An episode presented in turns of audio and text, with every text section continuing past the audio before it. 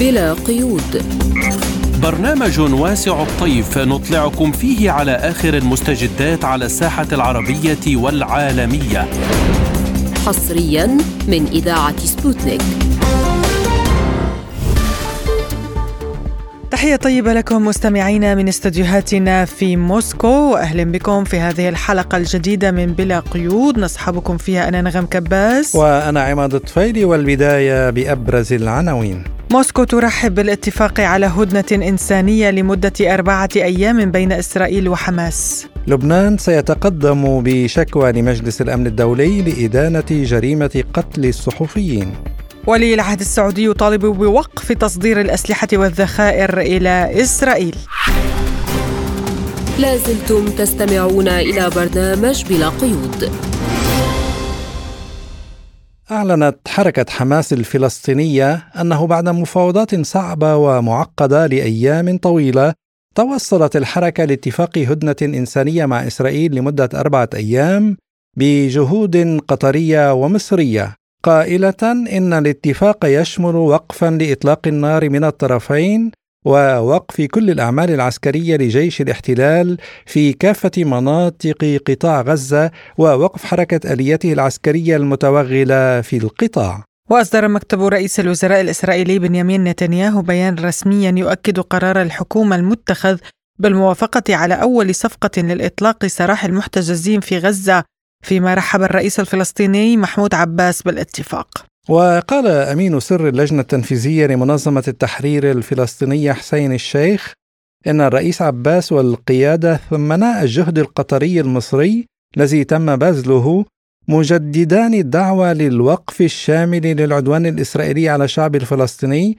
وإدخال المساعدات الإنسانية وتنفيذ الحل السياسي المستند للشرعية الدولية وبما يؤدي إلى إنهاء الاحتلال ونيل الشعب الفلسطيني حريته واستقلاله وسيادته. بدوره أعلن المتحدث الرسمي باسم الرئاسة الروسية ديمتري بسكوف أن الكرملين يقيم بشكل إيجابي الاتفاق بين الطرفين في غزة وأن هذه الأخبار الجيدة هي الأولى من نوعها منذ فترة طويلة. من جانبه رحب الأمين العام لجامعة الدول العربية أحمد أبو الغيط بنجاح الوساطة المصرية القطرية في الوصول إلى اتفاق على تنفيذ هدنة إنسانية في قطاع غزة وتبادل لعدد من المحتجزين والرهائن والأسرى لدى كل من الطرفين. وللتعليق على هذا الموضوع نستضيف في حلقة اليوم من البرنامج الخبير في الشأن الإسرائيلي إيهاب جبارين أهلا ومرحبا بك أستاذ إيهاب ضيفا عزيزا في برنامجنا أهلا تحياتي ومساء الخير. أهلا بحضرتك. يعني بعد إعلان حركة حماس توصل إلى اتفاق يشمل وقفا لإطلاق النار بين الطرفين وهدنة إنسانية لمدة أربعة أيام بجهود قطرية ومصرية.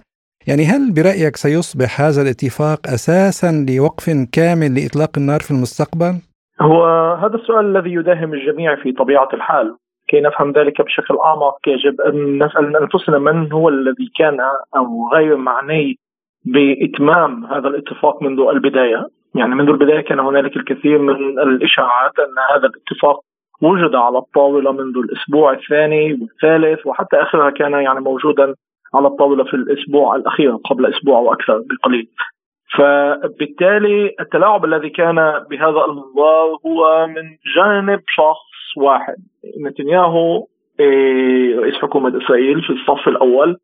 منذ اليوم الأول قام بتعيين أربعة أشخاص بشكل مباشر لتناول هذا الملف ملف الأسرى والمفاوضات. نحن نتحدث هنا عن رئيس الموساد الحالي رئيس الموساد السابق يوسي كوهن وأضف إليه رئيس المجلس الأمن القومي ومركز ملف الأسرى الرابط العجيب لهؤلاء الأربع شخصيات أنهم تعيين مباشر من قبل مكتب رئيس الحكومة، أي بكلمات كهذه أو كأخرى لا يمكن أن ننفي يعني إن قابلية الضغط عليهم أو أنهم بمفهوم كهذا أو كآخر يلعبون في ملعب بنيامين نتنياهو.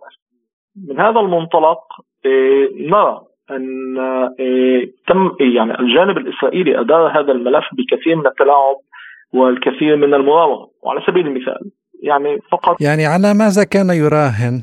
جميل جدا. هذا السؤال الذي يطرح نفسه. إيه، نتنياهو كان يحاول أن يقود هذه الاستراتيجية بما يعني بهدفين اثنين، الهدف الأول الذي كان يريده بنيامين نتنياهو هو إعادة هيبة الردع لمؤسسة الجيش، ولكي يقوم بذلك هو أراد أن يقوم بغلاف عسكري، تغليف هذه المفاوضات بغلاف عسكري كبير يحاول من خلاله أن يخضع حماس وأن تاتي إلى طاولة المفاوضات بأقل شروط ممكنة. هذا المشهد بالمناسبة هو ليس غريبا عن بنيامين نتنياهو بل هو كلاسيكي لتصرفات بنيامين نتنياهو. هكذا أدار المفاوضات الخاصة بالتعديلات القضائية على مدار عشرة أشهر في داخل إسرائيل بالمناسبة بذات الاستراتيجية.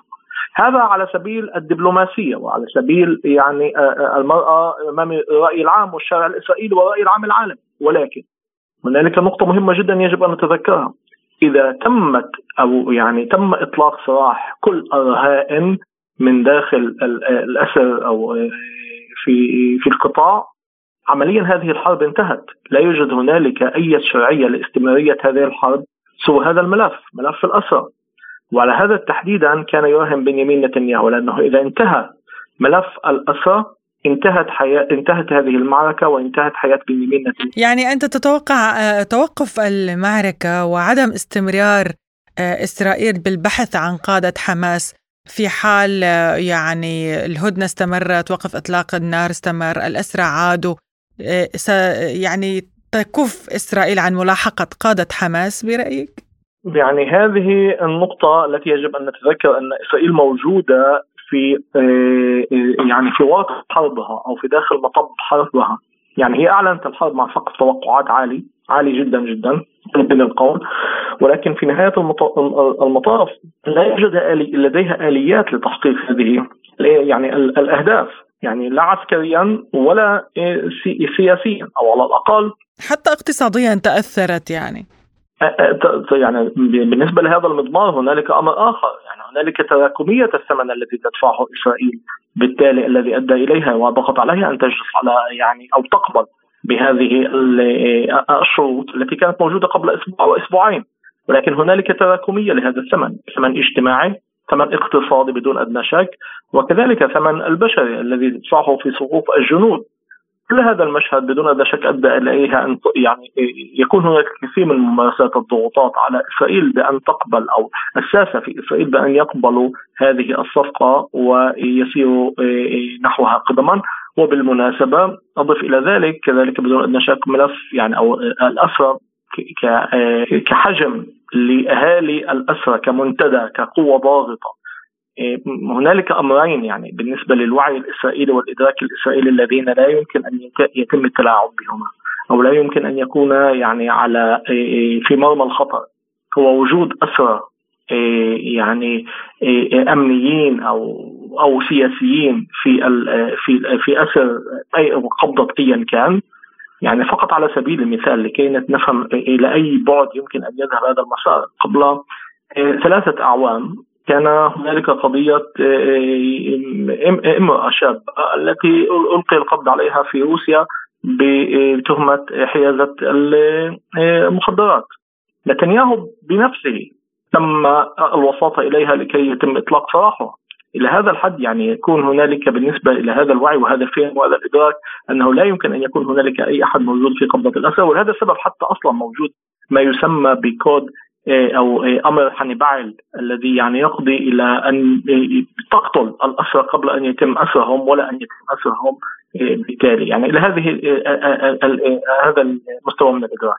والأمر الثاني كذلك الذي يجب أن نأخذه بعين الاعتبار هو مؤسسة الجيش. في السابع من أكتوبر إسرائيل يعني ضربت في الخاصرة الأهم في البقرة المقدسة مؤسسة الجيش. ولهذا السبب كان هنالك حاجة ماسة في الإجماع الإسرائيلي إعادة هيبة الردع لهذه المؤسسة ولهذا السبب لاحظوا نقطة مهمة جدا في الأسبوع الأول وحتى الأسبوع الثاني كان هنالك شبه إجماع في داخل كل صفوف الشارع الإسرائيلي حتى من ذوي الأسرى على شرعية هذه الحرب، يعني حتى ذوي الأسرى لم يتذمروا ولم يرفعوا صوتهم على الأقل إيه، إيه، إيه، يعني ليس بهذا الزخم قبل الأسبوع الثاني. هذه الشرعية اسرائيل بدأت تفقدها بعد الأسبوع الثاني. وبالتالي من هذا المنطلق ومن هذه الحسابات يمكن أن نفهم كيف يتعامل الشارع الإسرائيلي ويشكل ضغوطاته على متخذي القرارات. طيب أستاذ إيهاب ذكر موقع أمريكي أن هناك قلقا داخل إدارة الرئيس الأمريكي جو بايدن من أن يؤدي وقف إطلاق النار في غزة إلى دخول الصحفيين إلى القطاع مما قد يحول الرأي العام ضد إسرائيل خاصة يعني بعد هذا التدمير الهائل والجرائم التي ارتكبتها إسرائيل بحق الفلسطينيين، يعني ما مدى واقعية هذا الأمر برأيك؟ يعني هنالك عدة أمور يجب أن تؤخذ بعين الاعتبار، بداية أن إسرائيل ما زالت تتحكم بالتخوم وبحدود التخوم وبالتالي من هذا المنطلق يمكن القول أن إسرائيل تتشرط أصلا على كل صحفي يريد أن يدخل القطاع من طرفها ومن قبلها إيه، من قبلها عفوا أن يعني وهذا ما قامت به حتى هذه اللحظة بأن تكون هي مشرفة على مواده الإعلامية، هذا الأمر الأول، ولكن بطبيعة الحال أن وإن تم التحكم بالوعي والإدراك والعام عبر المؤسسات الصحفية الكبرى من الجانب الإسرائيلي والجانب الأمريكي ولكن يجب أن نأخذ بعين الاعتبار أن هنالك مردود لل social media وال social media أظن لعبت دورا أساسيا ومهما جدا في داخل هذه الحرب منذ اليوم الأول. في يعني فعل هذا التوازن ما بين وسائل الإعلام الرسمية التي تسيطر عليها إسرائيل والإدارة الأمريكية وما بين ال social media التي تتسم نوعا ما بجزء من الحرية التي كان يمكن عن طريقها التوريد أو ما يجري في داخل القطاع بشكل أساسي. فعلى سبيل المثال يعني في داخل الشارع الإسرائيلي يعني حتى هذه اللحظة لا يتم تناول البيانات لابو عبيده على سبيل المثال في داخل الإعلام الإسرائيلي، لا يتم تناول شرائط أسرى الأسرى التي تبثها حماس. حتى من داخل القطاع فقط صور الدمار، صور القتل لا يتم بثها في داخل الإعلام الإسرائيلي كي لا تؤثر على مسار الحرب في داخل الوعي والإدراك الإسرائيلي، يعني بالنسبة للإدراك للوعي ولكن بالمقابل للأسف القنوات العربية أو الناطقة باللغة العربية تستضيف المسؤولين الإسرائيليين وتتيح لهم المجال للحديث كما يشاءون وكما يرغبون. يعني المجتمع العربي مضطر أن يستمع للإسرائيلي ولكن العكس ليس صحيح. هذه النقطة يعني صحيح يعني يمكن أن نأخذها ونتناولها ب يعني أنا باعتقادي تحديدا هنا أتفهم يعني هذا الموقف ولكن أنا باعتقادي تحديدا هنا هذه أصلا ضربة للإعلام الإسرائيلي، يعني هذه بينت مدى الحرية الموجودة لدى الإعلام العربي. الذي يستضيف والذي ليس فقط مجرد يستضيف بل يواجه ويجابه و و ويضع الطرف الآخر أحيانا تحت أسئلة حقيقية التي لا يستطيع أن يستمع إليها إلا عن طريق هذا المنبر، في المقابل الإعلام الإسرائيلي ماذا ماذا قام منذ اليوم الأول؟ الإعلام الإسرائيلي تبنى طواعيه دور الناطق بلسان الجيش. كل الإعلام الإسرائيلي على مختلف يعني تعدديته وليبراليته وانفتاحه هو من القناة الحادية عشرة حتى القناة الرابعة عشرة وحتى يعني الهآرتس حتى عندما بدأت تحاول ان ان أن تضع الأمور في نصابها فقط في الأسابيع الأخيرة والأيام الأخيرة وربما لأنها تحاول أن تلعب ورقة ضاغطة لدى المعارضة بمفهوم كذا أو كاخر، لكن في الأيام الأولى وهذا ليس فقط في هذه المشهدية وهذه الحرب، بل هذه هي مشهدية الحرب لدى إسرائيل.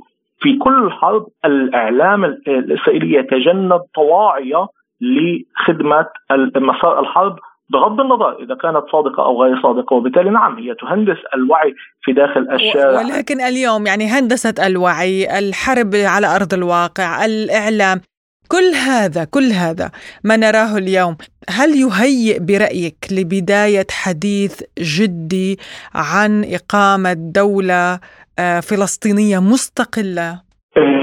سؤال جميل. ولكي نفهم ذلك وتبعيات ذلك يجب أن نفهم ما قام به بنيامين نتنياهو على مدار 20 عام أو على المقام يعني من منذ أن دخل إلى الحكم وما قبل ذلك بقليل. هو قام بتقديم القضية الفلسطينية. لطالما لعبت القضية الفلسطينية دور البارانويا في داخل الوعي الإسرائيلي ولكي يعني يستطيع أن يعني لا يخفى على أحد حلم بنيامين نتنياهو هو دولة واحدة من البحر إلى النهر لكنه يقوم بخطوات استراتيجية من أجل تحقيق هذا المسار وليس بشعبوية بين كبير وسموتر ويتفق معهم بالرؤية لكن ليس بالخطوات. وبالتالي ما حاول أن يقوم به هو تقزيم القضية الفلسطينية. وبالتالي هو كان بحاجة لبارانويا جديدة بالمناسبة. أين وجد هذه البارانويا؟ لدى إيران. فبالتالي هو يعني بدأ ينشر الوعي وكأن العدو الحقيقي هو إيران وما يحدث في داخل إسرائيل. قضية فلسطينية هي شأن داخلي أمر داخلي. ولهذا السبب بالمناسبة يعني عادة ما كانت الإسقاطات يعني عندما إسرائيل تكون في داخل مشهد محتدم ويقومون بإلقاء إسقاطات هذا المشهد لكي يهربون منه من الاحتدام الداخلي عبر المشهد الفلسطيني. في غضون هذا العام اجتياحات جنين وعدوان جنين وأي من هذا المشهديه لم تسعف نتنياهو للهروب من إشكالياته القضائية التي كانت آنذاك. ومن هذا المعيار نعم يعني في نهاية المطاف حاول تقزيم هذه القضية بل كتبها بخط يده يجب بعام 2018 بوثيقة كان قد كتبها كرؤية يجب العمل على نوع من التوتر المتواتر في داخل الضفة الغربية وبغض النظر عن طريقة تعاملهم مع القطاع التي يعني اعزز بها فرضية اقتصاد لكن في داخل الضفة لا يجب أن يكون هنالك تصعيد. هو لم يكن يريد بأي شكل من الأشكال محمد الدورة ولا يمكن يريد بأي شكل من الأشكال انتفاضه الانتفاضه الأولى أو الانتفاضة الثانية لأن هذه المشهدية سوف تفجر. هذا التصعيد سوف يفجر كل ما قام به بنيامين نتنياهو. وبالتالي هذا ما حصل في السابع من أكتوبر. يعني أحد بنيامين نتنياهو كان يريد أن يلعب دور تشرشل بكل مفهوم الكلمة أو نضع ذلك في سياق آخر. يعني هو كان يريد أن آه، يلعب دور ستالين ولينين بالنسبة لإسرائيل لكنه وجد نفسه جورباتشوف في نهاية المطاف. هو الذي دمر كل هذا الحلم. فبالتالي من هذا المنطلقات هو آه، يعني هذا التدمير وما جرى في داخل السابع من أكتوبر هذا التصعيد هو أعاد إلى مشهدية القضية الفلسطينية إلى الوعي والإدراك العالمي. يعني كل ما عمل عليه بنيامين نتنياهو على مدار 20 عام تقريبا تبخر في غضون 40 45 يوم. هذا يعني شكرا جزيلا لك الخبير بالشأن الإسرائيلي الأستاذ إيهاب جبارين على هذه المداخلة. شكرا لك. شكرا جزيلا. لازلتم تستمعون إلى برنامج بلا قيود وأيضا في الشأن الفلسطيني دعا ولي العهد السعودي الأمير محمد بن سلمان إلى وقف تصدير الأسلحة والذخائر إلى إسرائيل التي تواصل منذ فترة طويلة شن حرب مدمرة على قطاع غزة أسفرت عن مقتل أكثر من 13 ألف شخص.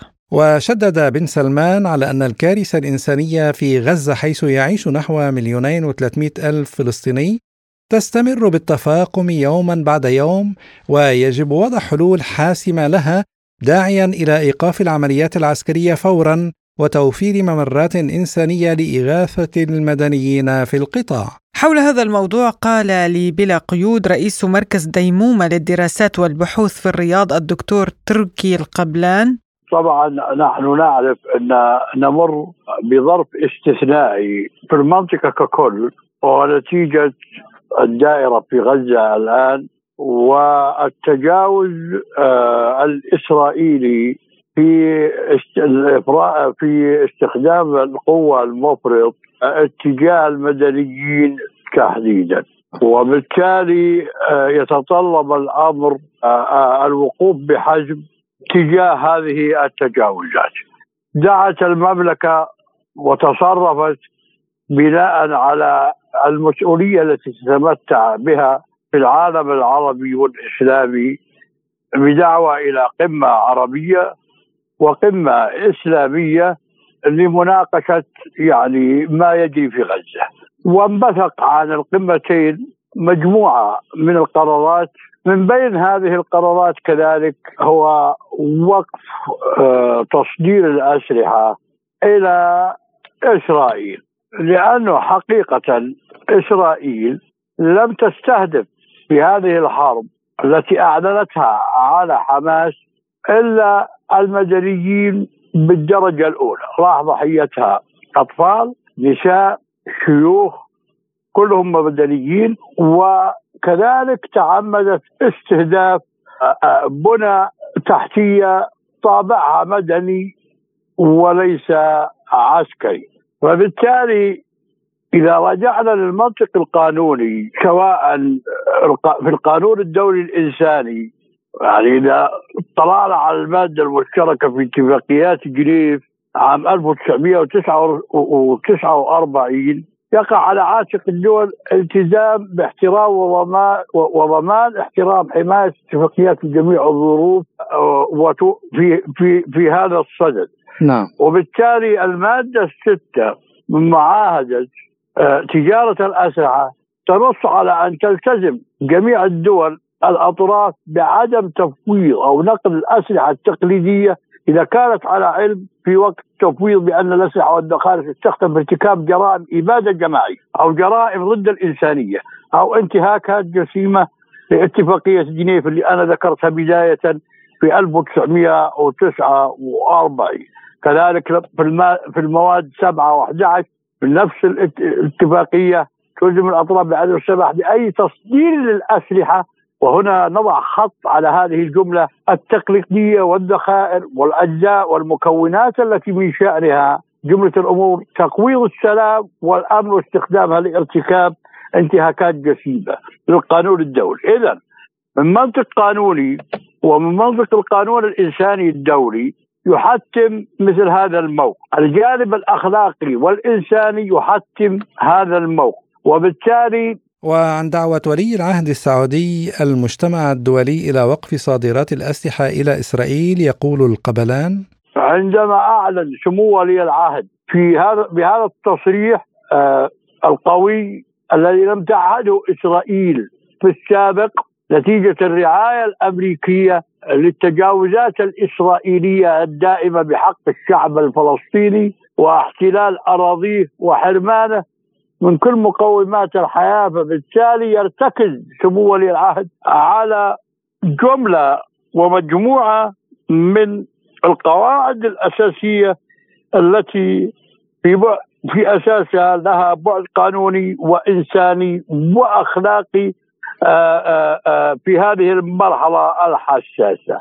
نعرف أنه أساس وطبيعة يعني مشروع بناء علاقات مع إسرائيل بناء على رغبة ووساطة أمريكية ركيزة الأس... الركيزة الأساسية لفحوى هذه المفاوضات هو إعطاء الشعب الفلسطيني كامل حقوقه واقامه دولته على حدود 1967 وعاصمتها القدس الشرقية فالشمو ولي العهد في هذا الصدد والمملكة لم تفرط بحق الشعب الفلسطيني وهو ركيزة طبيعة المفاوضات اتجاه بناء علاقات مع إسرائيل. المرحلة الآن يعني ليست مهيئة نهائيا إلى استمرار في الطرح هذه الفكرة أو مناقشتها. فيما بعد نعرف الآن نتنياهو أساسا من منطلق اليمين المتطرف في اساسه وعقيدته الاساسيه هو آه، لا يؤمن بحل الدولتين وبالتالي التجاوز المفرط في استخدام القوة هو لتفويت مثل آه، آه، هذا الحق المشروع للشعب الفلسطيني نتيجة الضغوط الأمريكية التي مورست آه، آه، لتبني حل الدولتين. نعرف أنه كذلك آه، نتنياهو يواجه أزمة داخلية الآن في هذه المرحلة الحساسة وربما وبنسبة كبيرة تفضي ما بعد غزة إلى خروجه من المشهد كلية وكذلك خروج الحكومة من هذا المشهد. إذا ما تهيأت الظروف فيما بعد ووصل إلى الحكومة من الشخصيات المعتدلة التي يعني آه، آه، في أقل تقدير لا تمانع من مناقشة حل فكرة حل الدولتين وإعطاء الشعب الفلسطيني حقوقه ولن يتحقق حقيقة لإسرائيل أي استقرار نهائيا طالما ولم تحل القضية الفلسطينية ويحصل الشعب الفلسطيني على حقوقه. فالمسألة فيما يتعلق علاقات سعودية مع إسرائيل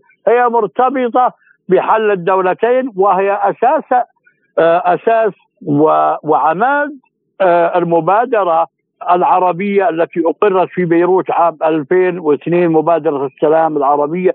وحول تصريح الرئيس التركي بأن أنقرة ستتوجه إلى مجلس الأمن والوكالة الدولية للطاقة الذرية بطلبات للتحقق من إذا كانت إسرائيل تمتلك أسلحة نووية يقول القبلان. مسألة إسرائيل وأمتلاكها لسلاح نووي يعني اللي أشرت له بخصوص تصريح السيد آه، أردوغان آه، فخامة الرئيس التركي هي حقيقة ناصعة ناصعة موجودة. يعني إذا رجعنا إلى تصريح الوزير في الحكومة آه، الإسرائيلية أعلن صراحة الأسبوع الماضي يطالب بضرب غزة بالنووي. هذا اعتراف أساسا موجود يفترض البناء عليه. لا نحتاج إلى حقيقة إلى مسألة التحقق. آه، إسرائيل يعني لديها سلاح نووي وتمتلك أكبر ترسانه سلاح نووي آه، في المنطقة وهي أساسا آه، تتهرب وترفض التوقيع على الحد من انتشار الأسلحة. النووية وكذلك لا تعترف أساسا بوكالة الطاقة النووية الدولية. وبالتالي جميع المؤشرات وجميع الأدلة تشير إلى أنه آه، يعني إسرائيل تملك هذه الأسلحة، الخطوه المفترض آه، آه، يعني القادمة. أنه يعني تطالب إسرائيل بفتح منشآتها النووية للتفتيش من قبل وكالة الطاقة النووية وبالتالي يترتب فيما بعد بقية الإجراءات المعروفة وفق مهام آه، الوكالة الدولية للطاقة. وفيما يخص تأييد برلمان جنوب إفريقيا اقتراح قطع العلاقات الدبلوماسية مع إسرائيل يقول القبلان طبعا لكل دولة أساسا آه، قرارها السيادي في هذه في هذه الجزئية إنما إسرائيل اجمالا وأنا على المستوى الشخصي أرحب بأي قرار من شأنه أن يضع إسرائيل آه، تحت طائلة الضغط الأخلاقي آه، آه، والإنساني والسياسي كذلك. ومنها ما تفضلت فيه وموقف جنوب أفريقيا وسبقتها عده دول بدرجات متفاوتة استدعاء سفراء من آه، آه، تل, تل أبيب ومغادرة السفير الإسرائيلي هذا آه، من كذا دولة موجودة قبل يعني قبل قرار جنوب أفريقيا.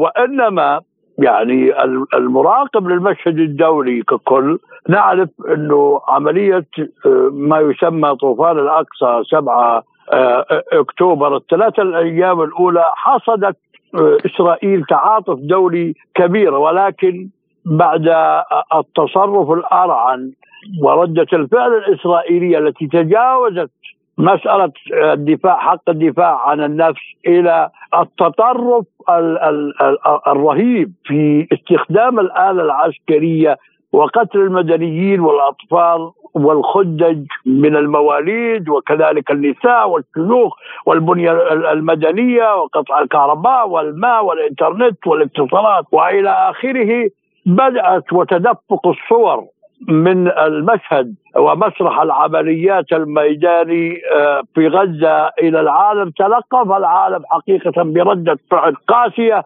وضعت إسرائيل في محك أخلاقي لم يسبق آه، لها وأن وضعت نفسها فيه رغم جرائم إسرائيل منذ 48 إلى هذا اليوم. لكن بهذا المشهد تحديدا بحكم توفر وسائل الاتصال آه، والتواصل الاجتماعي و الكثافة الفضائية للقنوات الفضائية وإلى آخره نقلت الصورة كما هي وبدأ عملية تصاعد الرأي العام الدولي ضاغط اتجاه القيادات السياسية في في هذه البلدان ومنها أمريكا. نعرف الخطاب الرئيس الأمريكي في البداية كان مؤيد وإلى آخره وأصبح فيما بعد المجتمع الأمريكي أساسا يواجه حقيقة حالة انقسام حادة وحتى على المستوى السياسي حالة انقسام حادة في هذه المرحلة ضغطت على الإدارة الأمريكية من تغيير في ملموس حقيقة في الخطاب السياسي مؤخرا إذا ما قرنا مسألة التحيز الأمريكي إلى آه، موقف إسرائيل والتأييد المطلق. نجد أنها في المقابل أمريكا نفسها خسرت القيم الأمريكية التي عندما وصل السيد آه، بايدن للبيت الأبيض كان يرفع هذه القيم ولافتت هذه القيم الديمقراطية وحقوق الإنسان ومن هذه الأمور وإذا به ينخرط انخراطا كاملا ويصطف اصطفافا كاملا في جرائم ضد الإنسانية وانتهاك لحقوق الإنسان واضح وصريح كان هذا ما قاله رئيس مركز ديمومة للدراسات والبحوث في الرياض الدكتور تركي القبلان. لازلتم تستمعون إلى برنامج بلا قيود. وفي لبنان عبر رئيس حكومة تصريف الأعمال نجيب ميقاتي عن إدانته الشديدة للاعتداء الإسرائيلي الذي استهدف الإعلاميين في الجنوب مما أدى إلى استشهاد مراسلة قناة الميادين فرح عمر والمصور ربيع المعماري وعدد من المدنيين. واعتبر ميقاتي أن هذا الاعتداء يثبت مجددا أن لا حدود للإجرام الإسرائيلي وإن هدفه إسكات الإعلام الذي يفضح هذه الجرائم والاعتداءات. كما صرح وزير الخارجية والمغتربين اللبناني عبد الله أبو حبيب بعد لقائه وزيرة خارجية بلجيكا في بروكسل إسرائيل تتعمد استهداف الصحفيين في انتهاك صارخ للقانون الدولي الإنساني ولقمع حرية الرأي والصحافة وسنتقدم بشكوى لمجلس الأمن الدولي ونطالب بإدانة هذه الجريمة البشعة. حول هذا الموضوع قال مدير مكتب قناة الميادين في موسكو الدكتور مسلم شعيتو نحن نعتقد لدرجة التأكد من أن ذلك كان متعمدا خاصة وقد سبقها سبقتها الكثير من الأحداث في غزة بأنهم تعرضوا للصحفيين بشكل دائم ثانيا عندما حجبوا الميادين في مناطق فلسطين المحتلة في كل المناطق واجتمع مجلس الوزراء المصغر والأمني ليناقش مسألة الميادين. إذا تزعجهم هذه المحطة لما تقدمه من مواد مهمة جدا تفضح سردية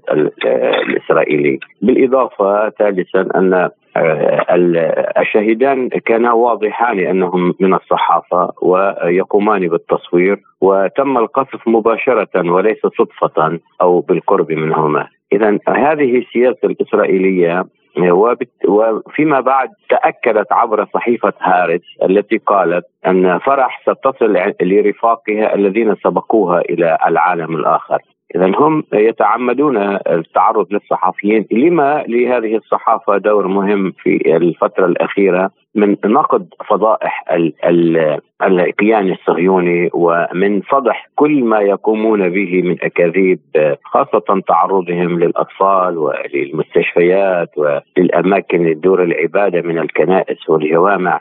هم يزعجهم تحديدا هذه السرديات وهذه الحقائق لأنها تنفي روايتهم التي يعممونها وهذا ما لاحظناه من التحركات الشعبية في كثير من دول العالم ومن دول العالم التي تعني إسرائيل مباشرة إن كان في أوروبا أو في الولايات المتحدة الأمريكية، بالإضافة إلى أن ذلك بدأ يشكل رأي عام عربي خارج نطاق الصراع المذهبي والطائفي الذي عملت عليه إسرائيل طويلا مع الولايات المتحدة الأمريكية. وفيما يخص جدوى شكوى الحكومة اللبنانية في مجلس الأمن ضد إسرائيل يقول شعيته لا أعتقد. سابقا أرسلت الحكومة اللبنانية أيضا شكوى عندما قتلت الفتيات الثلاث مع جدتهم. ولم يحرك مجلس الأمن ولا الأمم المتحدة ولا منظماته ساكنا. من أجل إدانة إسرائيل. وأعتقد هذه ستستمر ليس لأن آه، لبنان قدم الشكوى آه، وسبق ذلك. كما قالت إسرائيل أنها قتلت ما يقارب 60 صحفيا وقتلت آه، خمسة آلاف طفل ولم يتحرك العالم. فأعتقد أن ذلك فقط من باب التسجيل في الأمم المتحدة على إسرائيل. وهذه تحفظ للأرشيف ممكن بعد عشرات أو مئات السنوات يتحرك الضمير العالمي. وحول الموقف الأمريكي إزاء هذه التقارير قال شعيتو هذه الازدواجية بالمعايير لن تتوقف إلا بتغيير موازين القوى، والولايات المتحدة كما الأمم المتحدة تعلم عن قلقها وعن تخوفها واشمئزازها هذه تعابير فقط من أجل إسكات الدول الأخرى أو يعتمدون كلبنان والدول العربية أن الولايات المتحدة قالت اذا هي ترفض اذا هي يبنون على ذلك استمرار بسياستهم التي تهادن الاحتلال وتهادن القتل وتهادن هذه هذا الدمار وهذه الجرائم. لن يغير شيئا لا إدانة الولايات المتحدة ولا إدانة واستنكار مجلس الأمن وشجبه وفيما يخص موقف الصحفيين العرب ودورهم في مجابهة الدعاية الإسرائيلية بجبهة عربية متحدة يقول شعيتو لا أعتقد يعني حتى آه، نلاحظ من تغطية أحداث غزة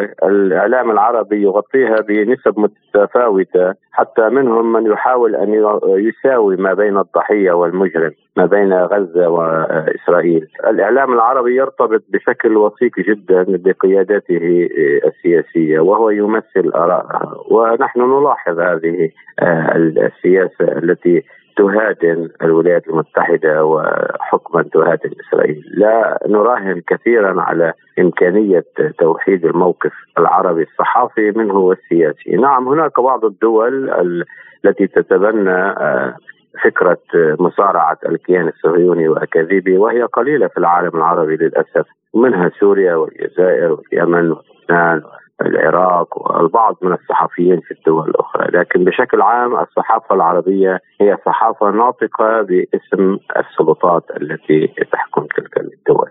وفيما يتعلق بموقف الشعوب العربية من إدانة هذه الجريمة يضيف شعيته؟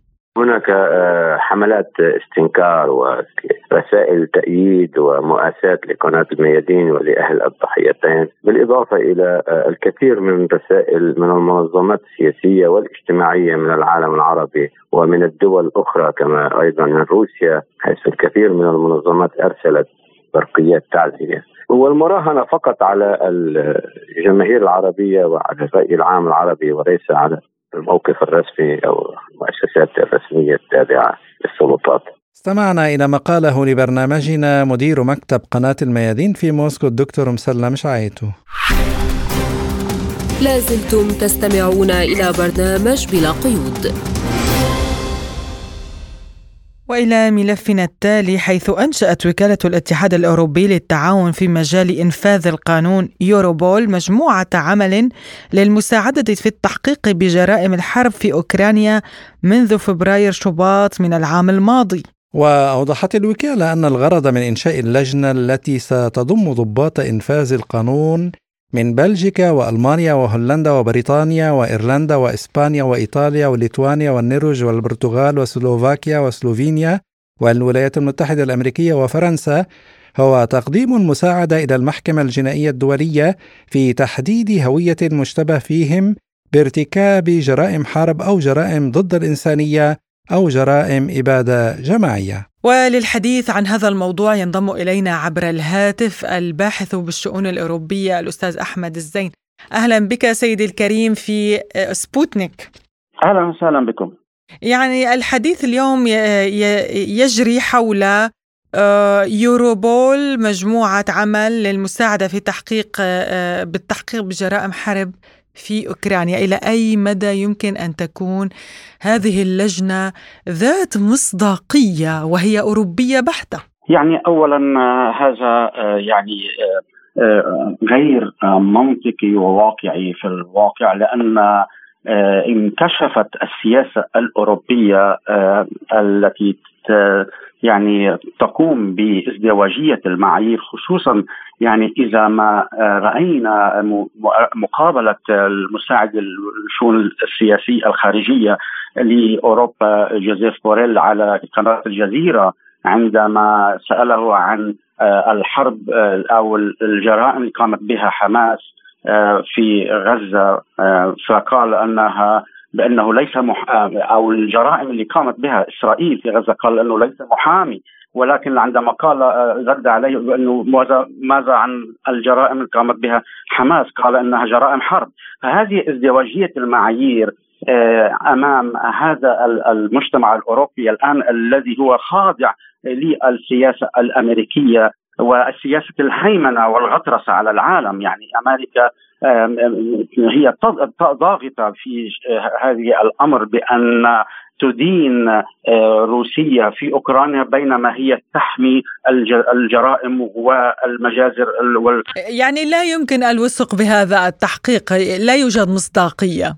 ابدا لا يوجد مصداقية ولا يوجد أي شفافية ولا يعني أي نزاهة في هذه التحقيق لا يكون يعني التحقيق من جانب واحد وستكون يعني تزيف الحقائق وهناك ستكون هناك كثير من الاضاليل وال يعني الأدلة التي يمكن أن تزرع وليس بالأدلة الواقعية على الأرض. يعني يرون بعين واحدة كما يقال، طيب أستاذ أحمد ألمانيا تخصص مليار و300 مليون يورو كمساعدات عسكرية لأوكرانيا. يعني هل الاقتصاد الألماني مستعد لتلبية احتياجات نظام كييف؟ يعني إلى أي متى ستبقى يعني هذه الدول يعني هذه الدول تدفع المساعدات وهي في أوضاعها يعني الاقتصادية صعبة أيضا. نعم يعني هناك حديث عن الاتحاد الأوروبي لخطة لدعم أوكرانيا ب 20 مليار دولار ولكن يعني هناك اختلافات يعني بين دول الأعضاء وخصوصا ألمانيا لم توافق على الاتفاق وعلى الشروط. لذلك يعني إن هناك يعني حتى إن كندا يعني امتنعت عن تقديم المساعدات إلى أوكرانيا وبدأ يعني يخف الضغط أو بدأ يخف الدعم العسكري والمالي إلى أوكرانيا. خصوصا إن أمريكا يعني هناك يعني صعوبة في البيت الأبيض أن يجد ميز يعني ميزانية لمساعدة أوكرانيا. وخصوصا إن هناك استطلاع رأي في أمريكا يقول بأن المساعدات الأمريكية لأوكرانيا كبيرة. فلذلك وكذلك في أوروبا يعني بدأوا الحديث ان أن الدول الغربية في والأوروبية تعبت من الحرب في أوكرانيا وبدا يتكلمون عن مفاوضات.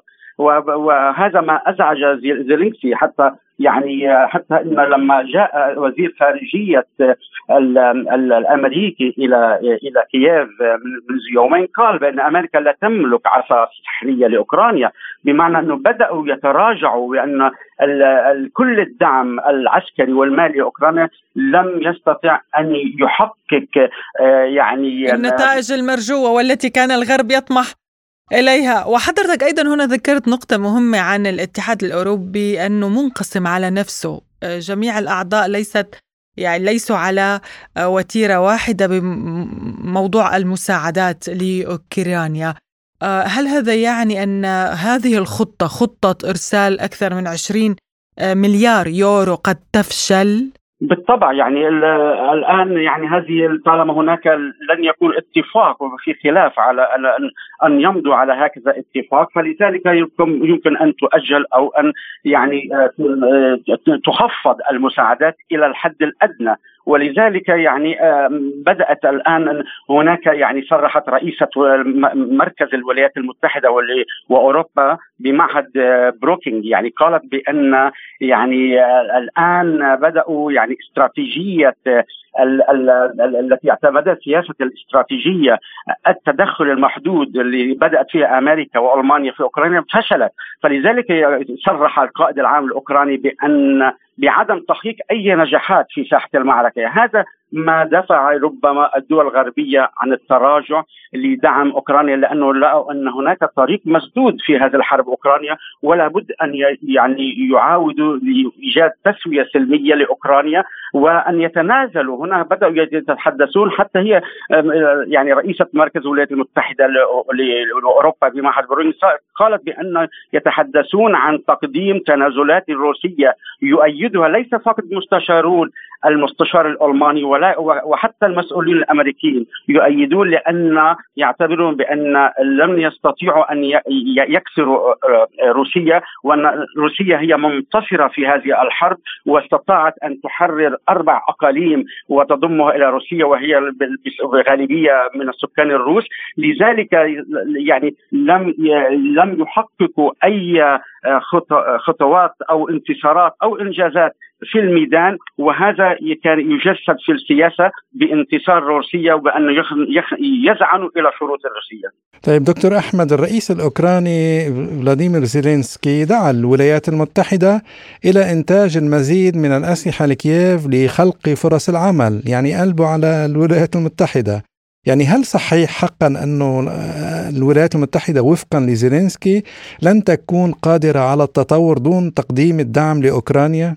يعني اولا آه، يعني آه، أمريكا هي في في في وضع في وضع الآن يعني صعب جدا لانها هي الآن تخوض معركة في أربع في في ثلاث جبهات. يعني جبهة روسية مع حرب طويلة في أوكرانيا هي تخوض جبهة جديدة الآن في غزة في الشرق الأوسط وهناك ممكن أن تتوسع إلى حرب إقليمية. هناك معركة الصين الاقتصادية تخوض معركة الصين الاقتصادية. لذلك هي الآن في خوض يعني معارك متعددة الجبهات وإذا لذلك هي إذا دخلت في هذه المعارك فهي ستكون ليست لها تفوق لا تستطيع أن تكون يعني لها يد العليا أن تكون متفوقة على خصومها. لذلك هي تعمل على إعادة بناء القدرات العسكرية وإنتاج آه، الأسلحة من أجل يعني آه، يعني آه، تحسبا لأي حروب أقليمية أو أو عالمية. لأنها يعني الآن خصوصا أن بدأ هناك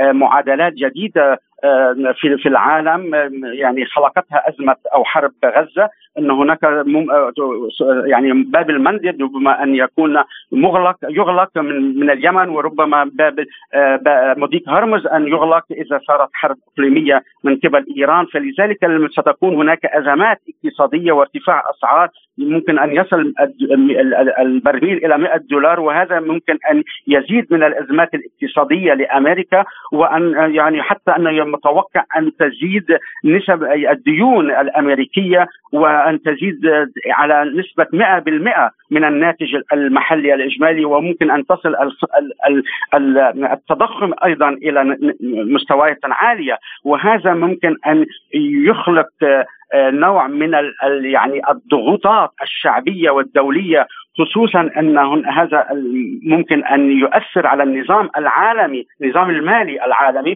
ونشهد مظاهرات كما شهدنا مظاهرات ضد الحرب في غزة ولايقاف الحرب في غزة أن نشهد مظاهرات عالمية وأمريكية خاصة ضاغطة على أمريكا من أجل عدم وربما أوروبية أيضا لأنه لأن لأنه روسيا تقول بأنها ستنظر بعلاقتها مع أوروبا بعد الانتهاء من العملية العسكرية طيب ماذا تتوقع أن تكون هذه العلاقة؟ هل ستعود روسيا لفتح صفحة جديدة ربما مع أوروبا؟ يعني كل شيء بالسياسة متوقع، يعني السياسة هي تربطها المصالح وليس القيم ولا والمبادئ، هناك مصالح بين الدول كل يفتش على مصلحته. ولذلك يعني أعتقد بأن أمريكا يعني روسيا من مصلحتها وأوروبا من مصلحتها ان لأنهم يعني على حدود متقاربة جدا. يعني أمريكا تبعد آلاف الالاف الأميال فمصلحة أوروبا هي أن تنظر إلى الجار القريب وأن تقوم معهم اتفاقيات اقتصادية وثقافية وسياسية يعني يعني خصوصا أن المجتمع الأوروبي هناك كثير من المشتركات يعني بين الشعوب الأوروبية من ثقافة واحدة ومن يعني ديانة واحدة إلى أن يعني تاريخ يعني واحد. يعني كانوا في الحرب العالمية معا يحاربون النازية الألمانية. فلذلك هناك عوامل مشتركة.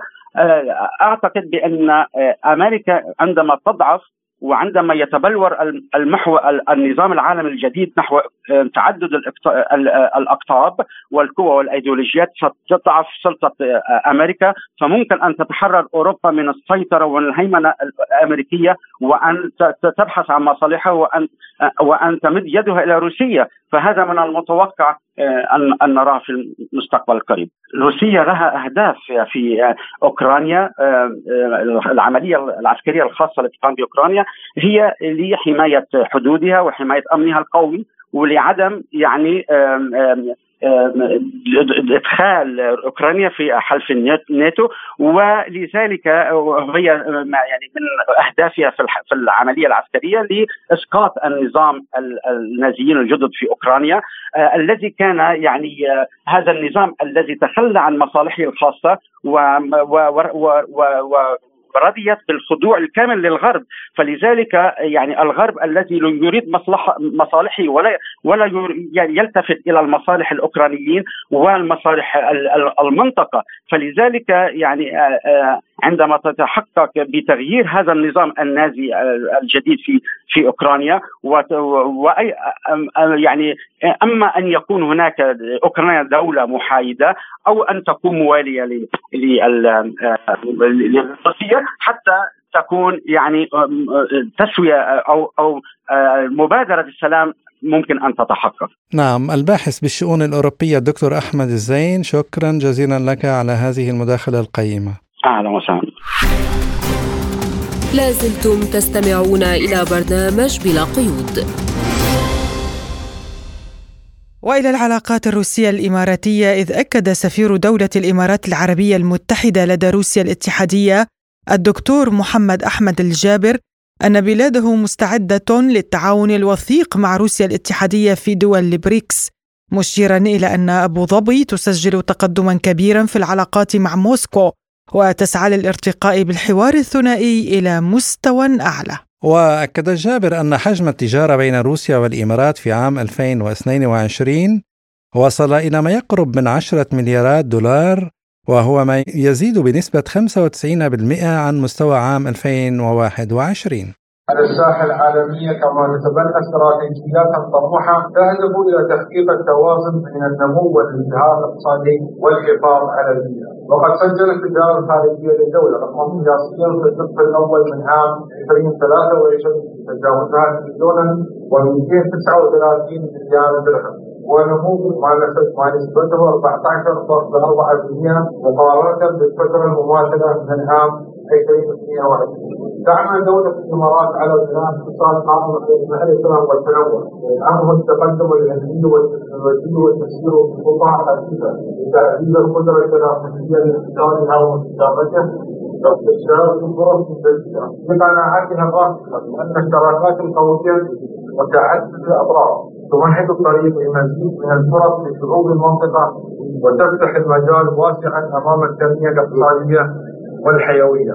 وقد أعلن صاحب السمو الشيخ محمد بن زايد آل نهيان رئيس الدولة حفظه الله هذا العام 2023 عام الاستدامة تحت شعار اليوم للغد في دولة الإمارات. استهلت الدولة عام 2023 بعام الاستدامة حاملة شعار اليوم للغد وتواعظ أولوياتها تأسيس الوعي بالاستدامة البيئية ومواجهة التحديات المرتبطة بتغير المناخ حيث تستضيف الدولة حاليا الدورة الثامنة والعشرين بمؤتمر الأطراف اتفاقية الأمم المتحدة الإطارية بشأن تغير المناخ كوب 28 ويعقد في مدينة اكسبو دبي 30 نوفمبر حتى الثاني عشر من ديسمبر والذي يجمع قادة العالم والخبراء سعيا لاحتواء المخاطر المحبطة وللمزيد حول هذا الموضوع ينضم إلينا عبر الهاتف الخبير الاقتصادي الإماراتي الدكتور نائل الجوابره أهلا بك دكتور نائل في برنامج بلا قيود ونبدأ من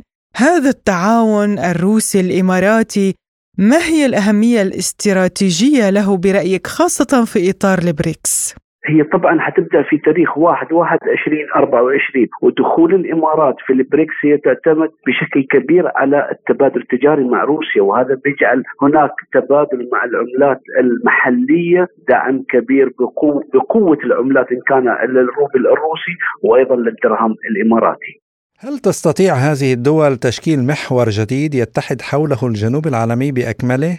بكل تأكيد استراتيجية بكل تأكيد لعملاتها المحلية اولا ولصادراتها وأيضا لوارداتها من البريكس. سوف يكون هناك دعم كبير إلى عملاتها المحلية ودعم إلى اقتصادها المحلي سوف يكون هناك دعم أيضا إلى صادراتها بعملتها المحلية وهذا سوف يدعم بوجود اقتصاديات جديدة وابتعاد جزئيا عن الدولار الأمريكي وليس كليا. هذا سيكون له أثر إيجابي بشكل كبير إلى اقتصاديات الدول البريكس وخاصه بعد دخول الست دول الجدد خلال خلال العام القادم في بدايته وهذا ما يجعل هناك نظرة تفاؤلية بالنسبة للناتج المحلي الإجمالي لدول البريكس إن كانت الأولى أو إن كانت الجديدة بالنسبة إلى دخولها وسيكون هناك داعم كبير إلى عملاتها وأيضا إلى اقتصادياتها بالنسبة للناتج المحلي. ما أهمية الإمارات بالنسبة لروسيا في منطقة الخليج والشرق الأوسط برأيك دكتور؟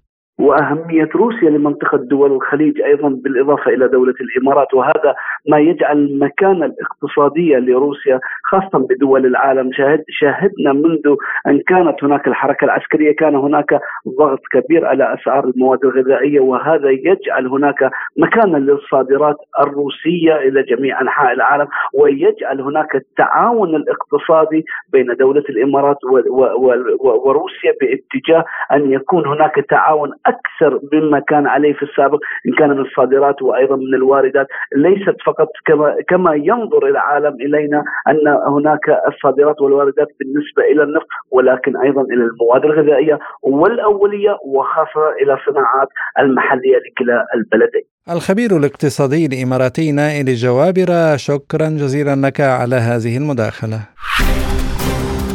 لازلتم تستمعون إلى برنامج بلا قيود.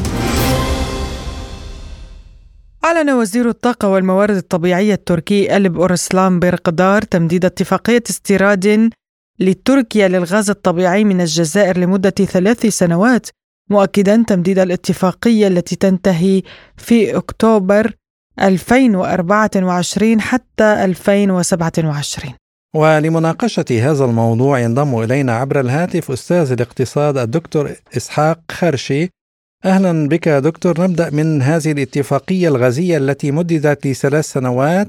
ما أهميتها لكلا البلدين برأيك؟ تكمن أهمية تمديد اتفاق تموين تركيا بالغاز لمدة ثلاث سنوات.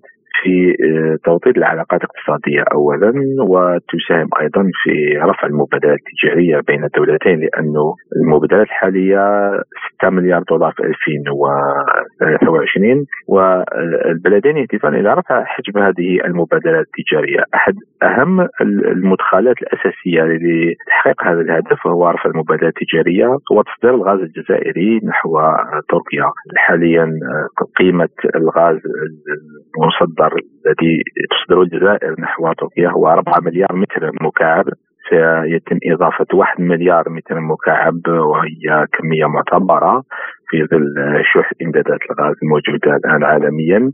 الهدف هو رفع المبادلات التجارية من أجل توطيد العلاقات أكثر. ما هي المجالات الأخرى التي من المفيد للجزائر أن تتعاون بها مع تركيا برأيك؟ أعتقد بأن العلاقات الاقتصادية بين الجزائر وتركيا أكبر بكثير مما أن تحصر في مجال الغاز ولكنه هو يأخذ حجم كبير في المبادلات التجارية. السيد رئيس الجمهورية الرئيس الجزائري عبد المجيد تبون أشار في يوم أمس إلى أن مجلس التعاون أصبح يسمى الآن مجلس التعاون الاستراتيجي استراتيجي بمعنى أنه لا زال فيه قطاعات يمكن أن تتعاون فيها البلدين مع بعض خاصة خاصة في التوجه نحو العمق الإفريقي لأنه الصين هي الشريك الأول لإفريقيا والمركز الثاني هي تركيا. في نوع من التنافس ما بين تركيا والصين. تركيا تريد الاقتراب من الصين وترى بان الجزائر هي بوابه لإفريقيا. في نفس الوقت الجزائر تركز على إفريقيا ففيه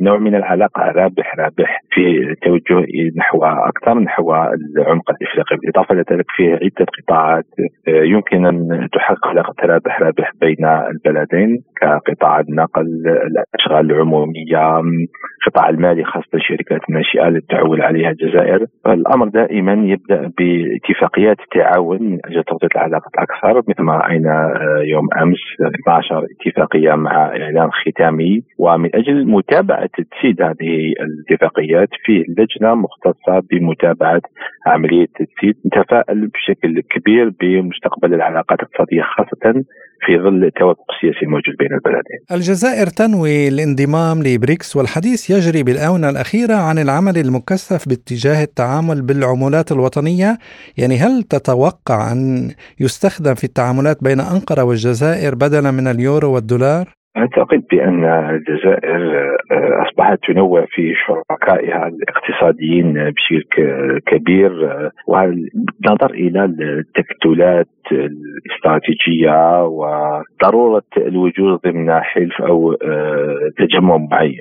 حتى إن لم تكن الجزائر ضمن تكتل اقتصادي معين الأمر مرتبط دائما بمدى رغبه البلدين في عقد اتفاقيات من أجل تبادل آه، أو من أجل استخدام العملة الوطنية أو العملة المحلية في عملية تبادل تجاري. ربما ليس 100% من كل مبادلة تجارية ولكن يمكن البدء بنسبة معينة تسدد الأمر مرتبط بالجانب التقني والمالي مدى وجود أنظمة مالية لتحويل هذه العملات الوطنية سواء كانت الليره التركيه أو الدينار الجزائري، إذا فيه نظام تقني مالي يسمح بتحويل هذه الأموال فتصبح الكرة في مرمى قائدي البلدين من أجل الاتفاق على هذا الأمر. أستاذ الاقتصاد الدكتور إسحاق خرشي كنت معنا من الجزائر. شكرا لك. إلى هنا مستمعينا الكرام تنتهي حلقة اليوم من برنامج بلا قيود. شكرا لإصغائكم وإلى اللقاء. إلى اللقاء.